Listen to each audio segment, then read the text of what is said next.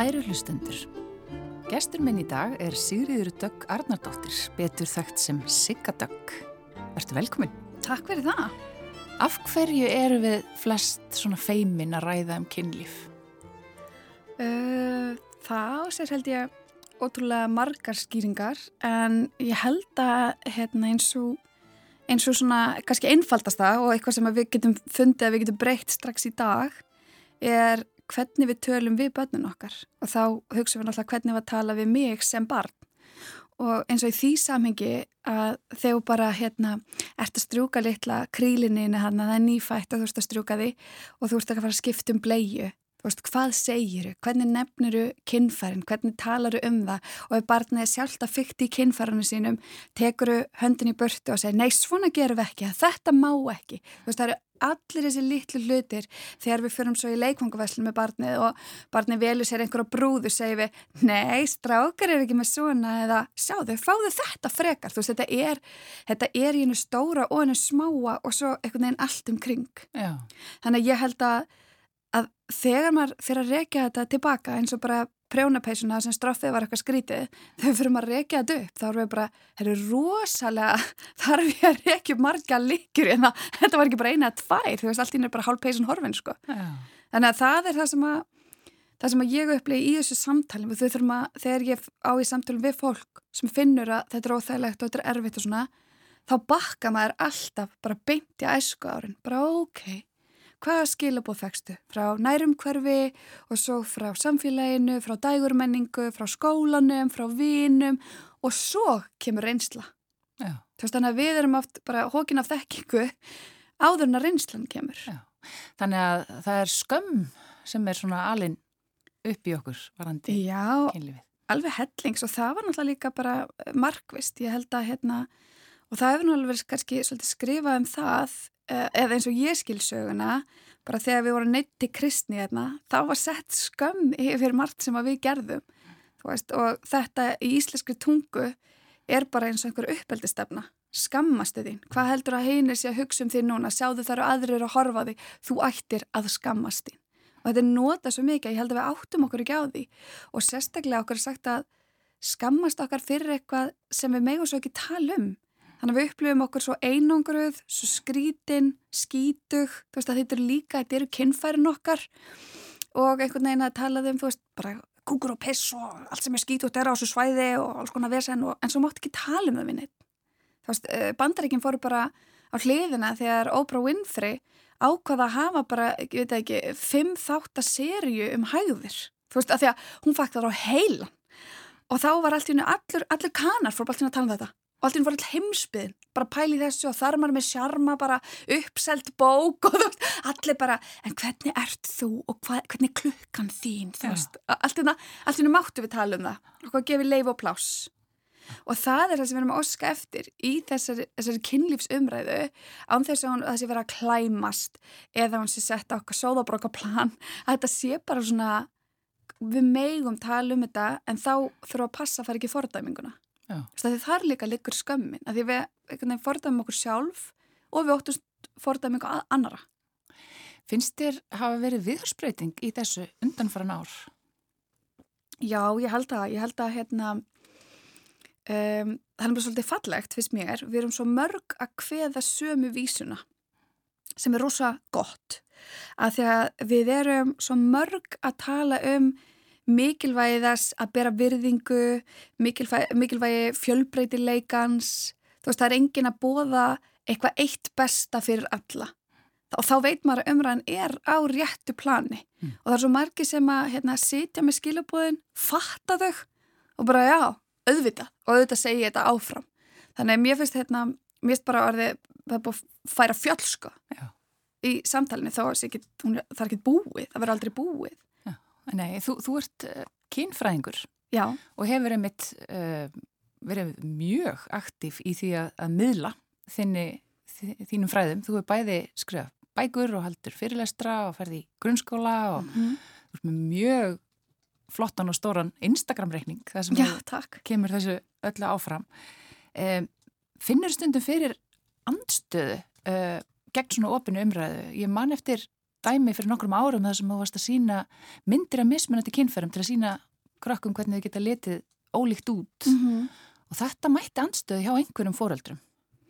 Já, en það er svo fyndið, þetta er svo, sko, já, við erum svolítið fyndið sem fólk og já, ég var bara sko kærð, það var bara þannig. Það var já, lög... kærð til lögreglu. Já, ég var kærð til lögreglu fyrir hefningalagabrót og hérna sem var sér sagt Uh, hvað var það í rauninni, ég var kærð fyrir það eins og ég hefði berað mig fyrir börnum þú veist, eins og ég hefði bara girt nýrum og flassaðu og ja. bara komið, sjáuð mig eitthvað svona, sem alltaf alls ekki að það gerðist og það var bara eiginlega sem betur fer þá sem ég fann alltaf að segja að það voru alltaf bara prestar með á svæðinu og fullori fólk og það var fólk inn í selnu með krökkum mm. þannig að allir vissi alveg að það var ekkit svo leiðis en já, ok, þetta fyrir ferli og þetta fólk hefur upplegað eitthvað og, og það hefur þurft að bara vinna úr því En á móti kemur, ég fekk hundrað skilaboð, bara tölvuposta, ég fekk bara símringingar og eitthvað, frá fólki kring sem átti hinbötnin, sem voru bara, við vorum svo þakklátt og krakkandi voru svo ánægðir og, en mann er hættir náttúrulega til sem mannesku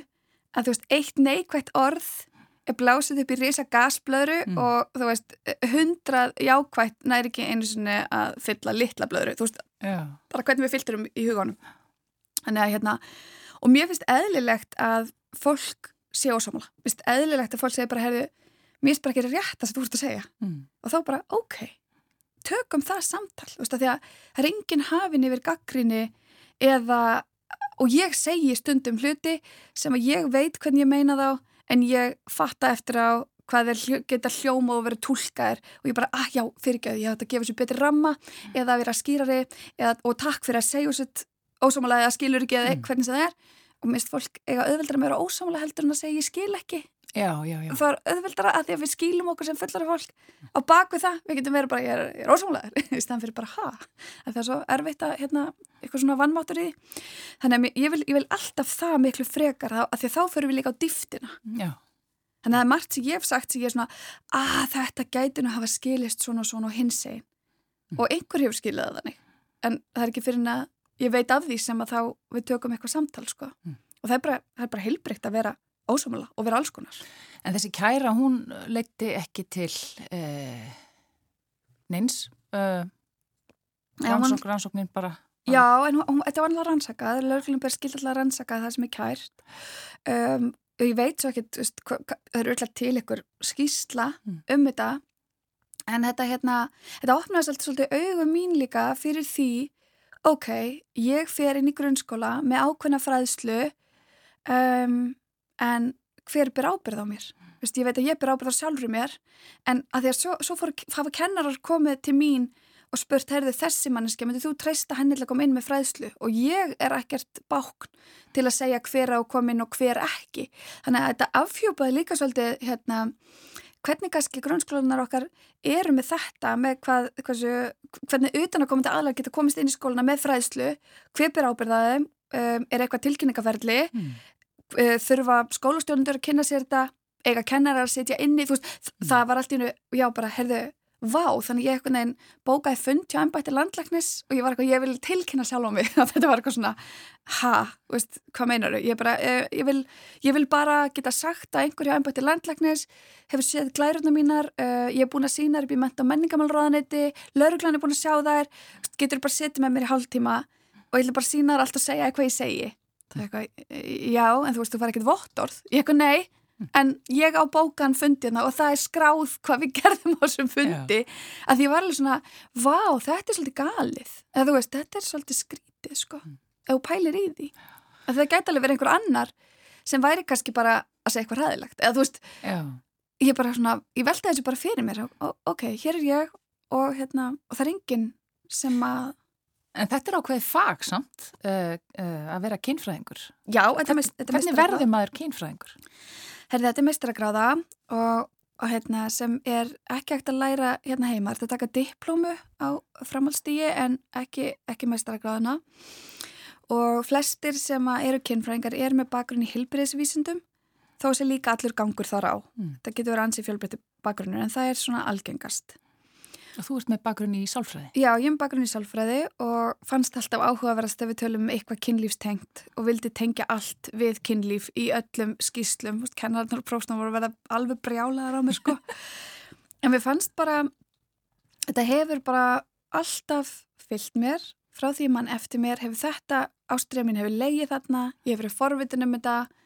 Uh, mér finnst þetta ótrúlega merkilegt og skemmtilegt og fallegt og hef, þess vegna hefur mér þótt svo áhugavert þegar ég mæti með eitthvað svona forvitni og það er þakkarniður eða það er svona skömm eða óþægindi eða má ekki tala um og allt þetta. Mm. Það við verið bara, ha?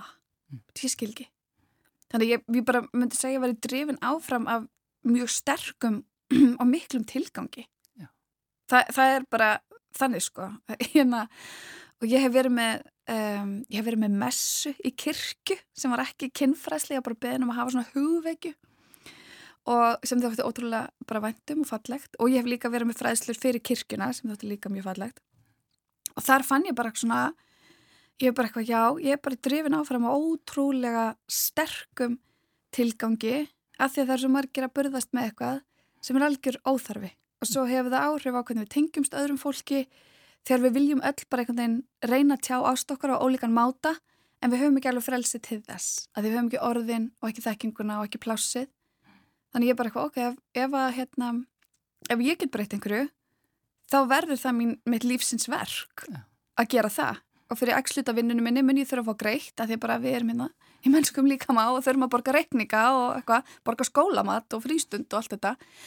En, og veist, svo bara vil ég gefa eins mikið að mér og ég get sko. Mm. þannig ég er mjög skýr með það. En það er, en það er ógslag að fyndi sko að fyndi að vinna við þetta því að ég beðin um að tala á stóri málþingin um daginn um uh, kemfyrsofbeldi ég var ekki laus daginn sem þau ætlaði að halda. Þannig ég segi bara herrið því miður því verið að fá okkur annan. Mælum þessum þessum held ég að hafa gert. Og hérna bara gangi ekki vel. Nema hvað þau segir bara, herðu, við bara frestum þessu um viku, bara ertu laus þannan dag. Og ég eitthvað, vá, þið þurfum ekki að gera það en allavega, já, ég er laus þannan dag, ég kæmist þá ég sagði en ég vil taka skýrt fram og ég þarf greiðsli fyrir mína vinnu að því þetta er vinnan mín mm. það bara kom ekkert svar ekkert orðað þessum alþingi og ekkert að fyrir þetta já.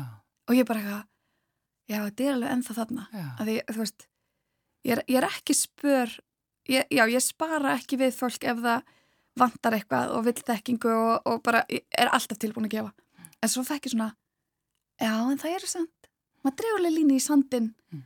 þegar þú ætti að fara að tala á málþingi fyrir framann hópa fólki, mm. þá vil ég fá ákveða sjálf hvort ég ætla að gefa þér vinnunum mína ja. eða ekki, ja. ekki ganga og svo líka að finna að þú myndir aldrei segja við lögfræðing bara gaf maður ekki gaman í náminuðinu var þessi meistargráð ekki krútleg mm. er ekki lín æðislega peppað? Þegar þú segir bara heyrðu, má ég gefa þér með klukkutíma spjalli?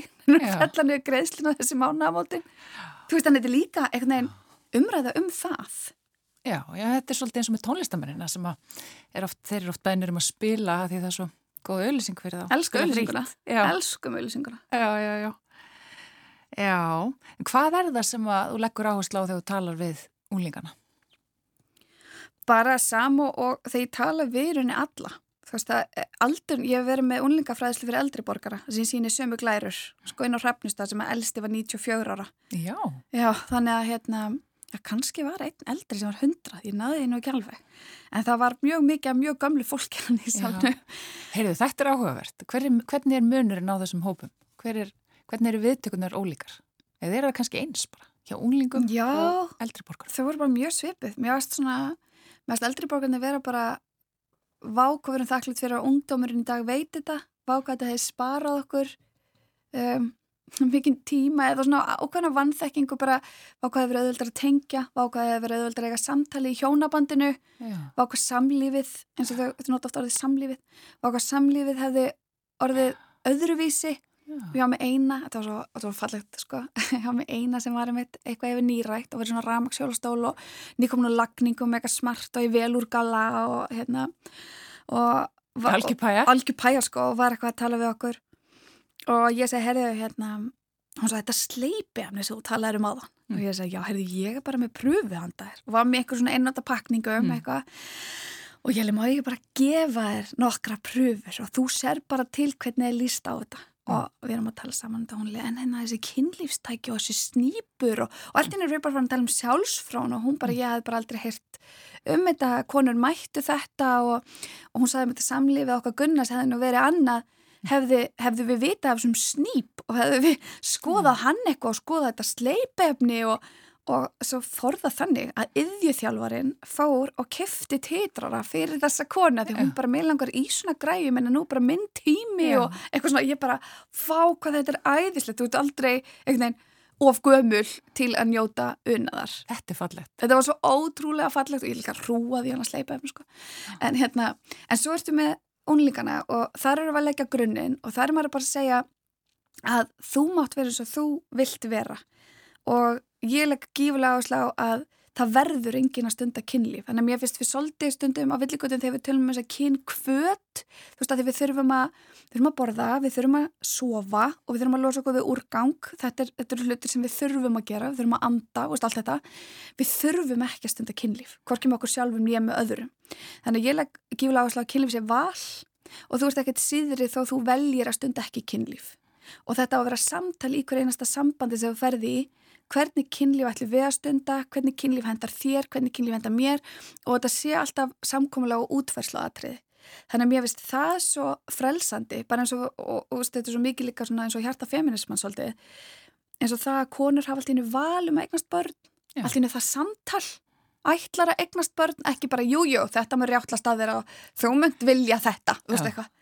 Þannig að þegar maður allt í hennu fattar að lífið er val og margt í lífinu og maður getur lagt það þannig fram þá finnst mér verða til einhverjir töfrar.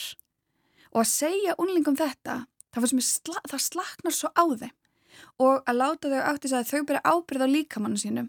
En ef þau finna til einhverju grættu í líkamannum þá er ekkert náma sjálfsagt að þau sinni sér. Og það sé það eðlilegasta í heimi en að þau aldrei kröfu á líkama annara og það er aldrei verkefni annara að sjá um þau, við sjáum um okkur sjálf. Mm. og við ætlum ekki að fara með gleði og kærleika inn í kynlífið þá getur við henni bara sleft þessu sko og þegar ég segi kærleika þá er ekki meina að þurfa að vera ástfóngina því að svo notum við orðið við unlingan okkar.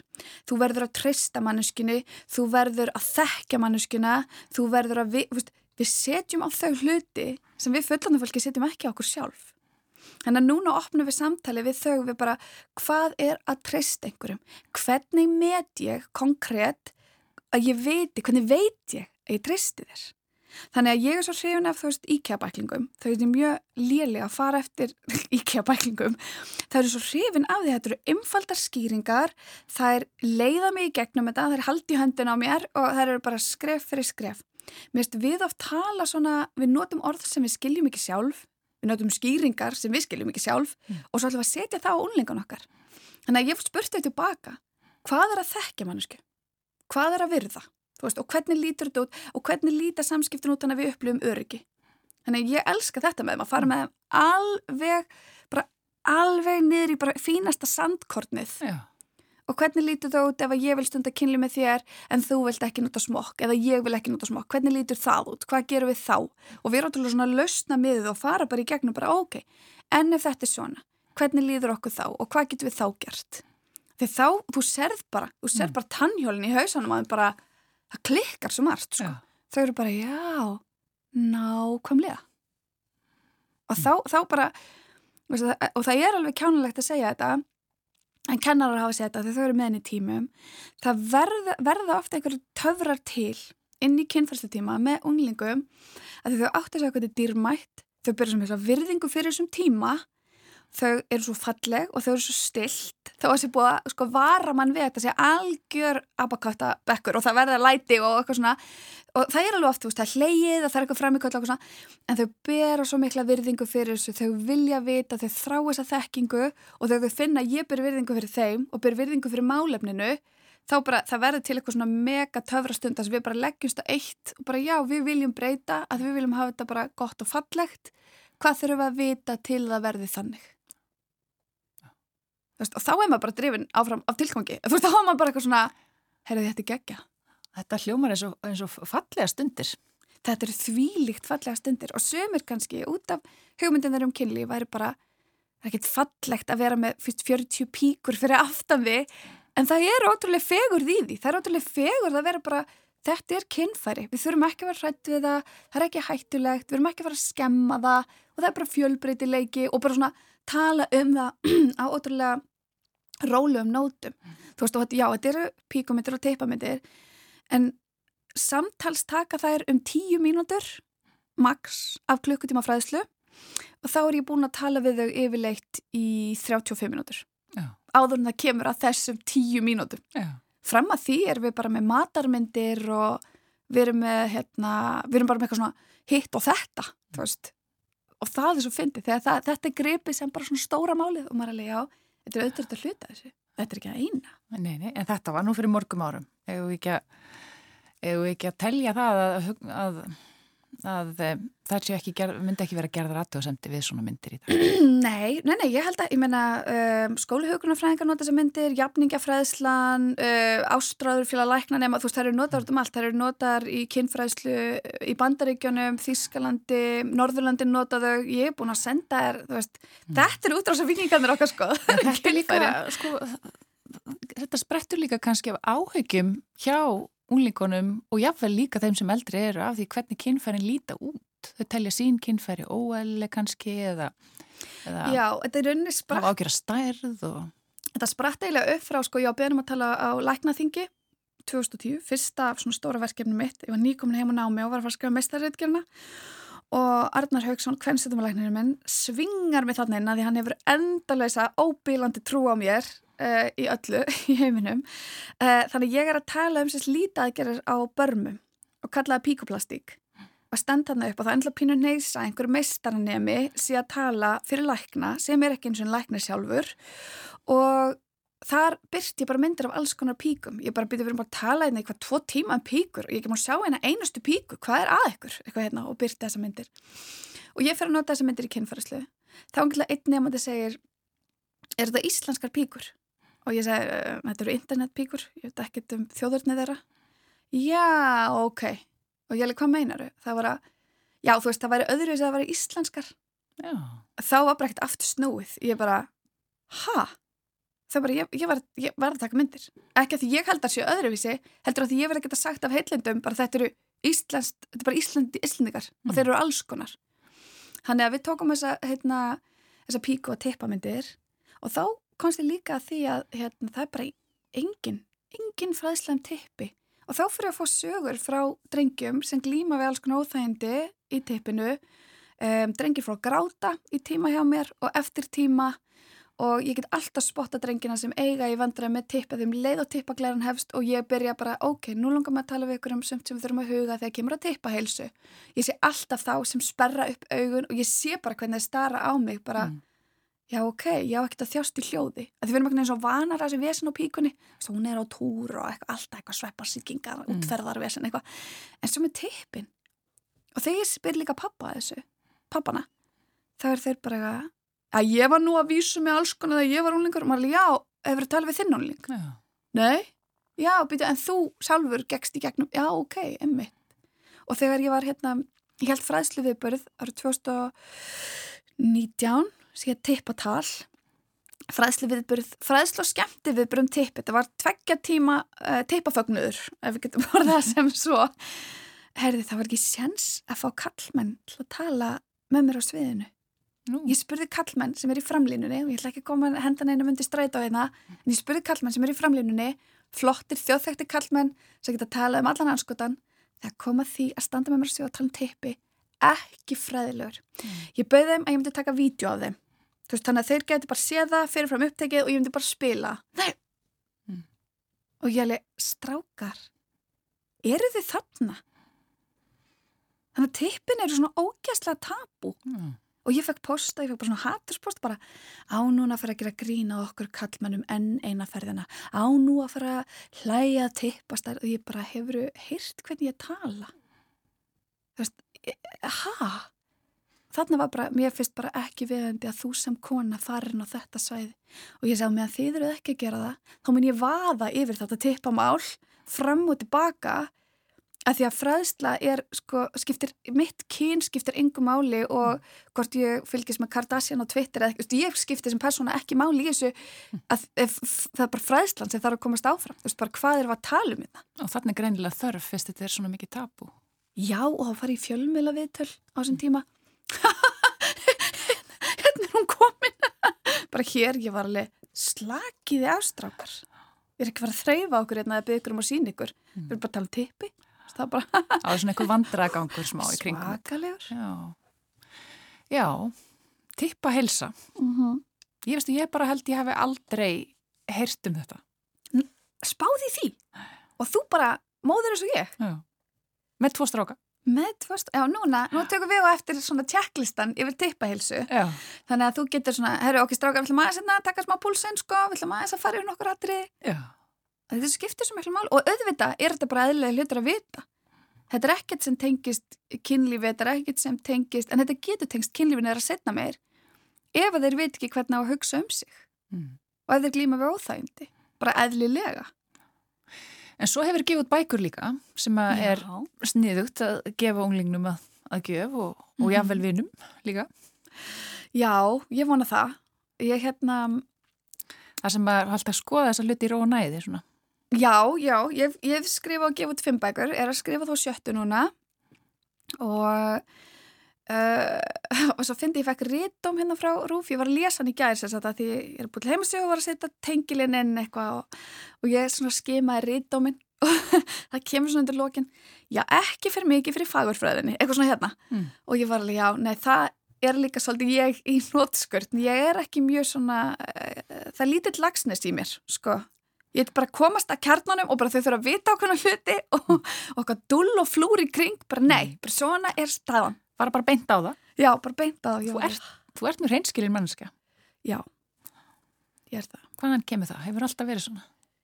Uh, ég er alin upp í fjölskyldu þar sem að uh, fólk hefur sterkar skoðanir og ég er alin upp í svona, ég reynir svona svolítið stór fjölskyldu þannig að hérna mamma og, þau eru fimm sískininn og það eru fjóra systur sem eru háværar og sterkar og ákveðnar og láta engan vaða yfir sig og hér, við vorum sérstaklega mikið bara heima hjá ömmu afa og stórfjölskyldan mikið saman og ég hafði bara ótrúlega held ég sterkar og flottar fyrirmyndir í því að hafa rött og standa með sér og láti í sér heyra um, og að vera svolítið óhrætt og að það var alltaf lægi að vera einhvern veginn allskonar veist að að þau voru líka allskonar og ég held að það skiptir ós að miklu máli að vera ekki endilega þakkaði niður sem krakki.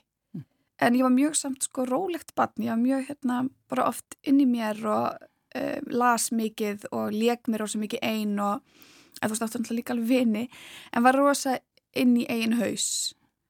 Og svo hérna ég, ég, ég, hugsa samt, hefði ég verið barn sko í dag eins og börnir í dag þá hugsa ég hefði byrjað í þessari vinnu sko 18 ára þá hefði ég bara Instagram reikningur og bara allt að vera að lesa til og vera svo ógæsla vók og með allt mitt á hreinu. Mm. en það þurfti alveg hérna, það þurfti með, ég þurfti alveg mörg ár. Ég skrifaði pistil fyrir Orlaus sem var tímaritt sem var svona eins og greipæn eða svona þannig svo götu tímaritt eitthvað neinn og drift á kaffehús og þannig.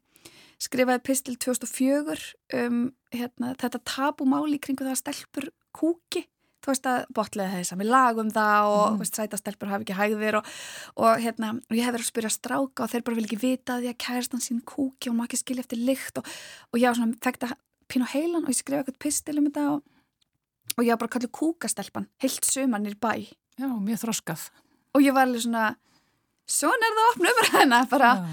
en þannig líka, þetta er bara fyrir tíma samfélagsmiðla, það er bara allt öðruvís í dag hefur bara samfélag sem að stiður við þig.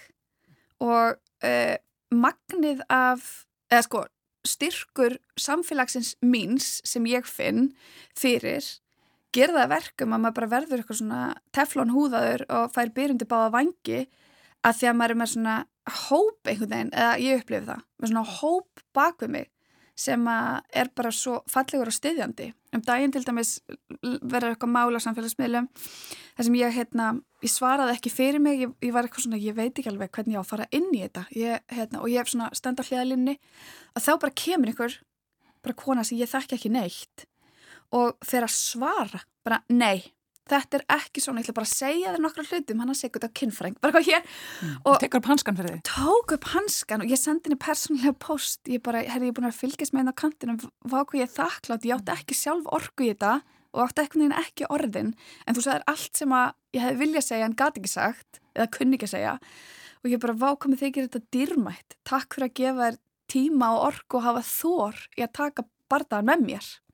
Og þetta er ótrúlega mikið mín upplifun pluss það að fólk sendir mig bara eitthvað þú ert að standa óslega vel, ég er að fylgjast með þér bara, þú veist, eitthvað you go girl. Mm. og, og það er alveg karlar og konur sko og fólk á alls konar aldri. Þannig að ég, ég veit það ekki og, og ég menna fólk kemur alveg upp á mér í búðum bara eitthvað, mér langaði bara, ertu ekki að það kynfrangur? Og ég eitthvað svona, jú, mér langaði, langaði bara að segja þetta bara, þetta er bara flott hér mm. og mér langaði bara að segja takk. Og ég eitthvað, já, ekkert mál, takk. Og svo svona trítla fólki fyrsti þú veist, senst að sunda var með bóði í nutt bara nuttari sem bara, er þú búin að gefa svo mikið að þér. Langar að gefa það tilbaka, myndur þykja nutt og jú, ok, ég skila þetta hljómi skrítir eitthvað svona. Og ég alveg erstu nokkuð í einhverju bakhúsi í einhverju heimili upp í árbæ? Eða eitthvað skilur. En svo bara eitthvað, nei, nei. Bara, bara velur að fylgjast með umræðinni og hugsaði, það búið að mæða mikið að þér. Þú hefur eitthvað gott að smá slökun. Ég bara, vá, en fallegt, já takk. Þannig að þetta upplifi ég að sé landið sem ég bý á sko. mér finnst það bara ég er alltaf í mega peppi já. þó að segja, veist, það er alltaf fólk sem pyrra sig á manni eðlilega Já, það er kannski svolítið eðli þeirra sem eru að ræða hluti sem að hafa að hluta til verið tabu eh, þá er svona má kannski búast við einhverjum ágefum. Já, líka bara það eru margir með sáraðna. Það eru ógeðslega mörg sár og ég skil að umræðan er erfið og mann er langa stundum þegar einhver er bara la la la, allt er svo skemmtilegt og langar mann alveg hei, bara ég með helling sáraðna. Nefnir að tala um það líka. Já, sem tengjast kynlífi og Já, líkamannum. Sem tengjast kynlífi og líkamannum og erfiðri reynslu og hérna og einhver sem er ekki búið að vinna úr og það eru rosalega margir einmitt að tala um sárin og erfiður reynsluna og reyna að vinna áfram með það.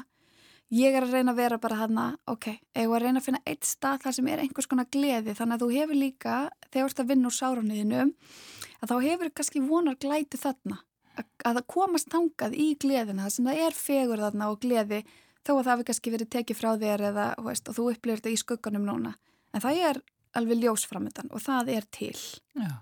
Þannig að það er svona alltaf, eh, það er svona minnstans í þessu að reyna að vera bara ljósið og gleðin og reyna að bjóða öðrum bara inn í hlíuna og byrtuna og það sé hægt í öllum þeim fjölbrytileika sem það er, sem, sem það býður upp á. Já, já. Uh, en þessa dagana, hvað ert að fóst við þessa dagana? Þú ert að, varst að gefa út bók? Uh, já, já, ég gaf út bók hérna í desember. Sem var ótrúlega erfið bók eða sko, það er ekkert kynlífinni ég held að svona með svona, svona höskuldar viðverun ef maður getur sagt það svona, ekki lesa hann allar, ekkert kynlífinni sem var ekki fyrir vonbröðum hérna tvær sem koma undan voru rosa mikið kynlíf sko. Um, en já, þetta var svona reynsun og vonandi hjálpargagn. Hvað heitir þessi bók? Hún heitir Æli við lofa og hún var sér sett uh, í rauninni bara fjallaði svolítið um skilnarferðlið út frá sjónarhóli aðalsögupersonin okkar sem er hérna ung stelpa sem heitir Steinun og fylgjumst með henni svona frétta, grunar að fóldrarna er að fara að skilja svo er hún með þeim í gegnum þetta þau eru til tilkynna um skilnaðin þau eru að skilja þau flytti í söndur og við horfum á svona hana veist, reyna að meta fólkdur sína og meta framtíðin og meta aðstæður. Og, hérna, og það hafa alveg þá nokkri fullarnir lesið hana og hafa alveg svona hafa sagt, veist, þetta var svolítið gott fyrir mig bara því að batnið inn í mér fóra eins öðruvísi í gegnum skilnaðin, eða þú veist, fór svona endur sko að bara vá, Já. það hefði alveg verið gott að fá þessa í hendurnar að því að ég hugsaði hana sem smá svona vin í eðmörkinni og einmitt þetta ljósi mörkunni, þetta stef hjá mér um, í aðstæðum sem er oft erfið að mér langa að skapa þetta hljóma kannski kjánulega, mér langar að skapa skilnað sem var fallegur. Mm. Mér langar að skapa skilnaðferðli sem var einhvers konar fallegt, einhvers konar von eða einhvers konar friður eða plassið og gast farið inn í að þessu mörgbætt sem hafa gengið í gegnum þetta og munu gangið í gegnum þetta og er að gangið í gegnum þetta að fá bara einhvers konar sín inn í hvað gæti verið framöndan. hvernig gæti þetta litið út og þegar ég komst að því einhvern veginn engi barnasaga fjallaði alveg um þetta þá var ég bara eitthvað svona, ha? Þá verður að skrifa um það. Þá verður ég að skilja bara, ég skil ekki neitt. En, hérna, Og hvað er þá næsta? Er ekki erska túrbók? Já, Um, já, uh, Allt um málefnin, málefnin stundum finna mig, það er pínu þannig. Mm. og þegar ég er með þessa kynfræðslu og er, kemst að því að ég er með kynfræðslu nýri í fymtabæk og kemst að því að stelpur í, í hérna fymta og sjötta og sjönda hafa kannski fengið litla sem enga fræðslumblæðingar, það er ekkert samtal heima fyrir og maður trúið því ekki. 2021, maður er alveg nei, nei, nei, nei, nei, allar allir fóreldrar eru farnir að fræðum túr. En svo er bara raunin önnur og þá, þá er ég bara, heyrðu, byrju, hvað erum við að tala um þetta? og hvað er til á íslensku? Og hvernig erum við að tala um blæðingar? Og hvað erum við ekki að segja? Mm. og uh, já neða, málefni bara valdi mig. Já, og svo líka bara að byrja álfabyggar Já. eða svona túrbyggar þá varði eitthvað svona shift hjá sjálfur mér, þá fann ég að hérna, mér þótti þóttu blæðingarnir ekki jafn ógæðslega lengur. Mér aðst þetta, hérna, og veist, fyndi að vera fullor manneski að vera allt í hennu í einhverju svona breytingu varandi blæðingarnar, en líka að læra nú líka mann hvað allt í hennu, nú eru blæðingarnar svona, nú liðum við svona ég finn áður en ég byrja á blæðingu og allt í hennu bara hvað þetta er ótrúlega líkamlegt og verður svo líkamlegt. Já, að þá er ég bara, hvað er þetta, vá, þetta fyrir fyrir fólk sem að fer á túr þá er þetta fjölbreytileg reynsla en það er ekki talað um það þannig þú far fræðslu í upphafi og það er ekkit í samabyrði við fúst, blæðingarnar eftir 15 ár eða 25 ár nei, svo áttu bara að vita þetta. og hvernig átt að vita Já, þetta, Þú veist, ég skil það ekki sko. Já. þannig já, ég er svolítið búin að vera með þetta á heilanum Já. og er að gera það og svo er ég með leinaverkefni fyrir mörg, bara alls konar Sem að má ekkert tala um. En, mm, þau eru bara, þau eru ekki alveg tilbúin nei, en hérna, en ég læt alltaf vita um að samfélagsmiðlum já, fyrir þá sem að vilja kíkja á Instagram-miðliðin, þá er það Sigga Dögg kynfræðingur. já, svo bara best að googla mig Það googlaði bara. já, fann Instagram, kemur alltaf efst upp og eitthvað Það er mjög skemmtilegur Instagram-reikningur. takk fyrir það, Sigriður Dögg Arnardóttir, Sigga Dögg. Takk kærlega fyrir komina. takk fyrir mig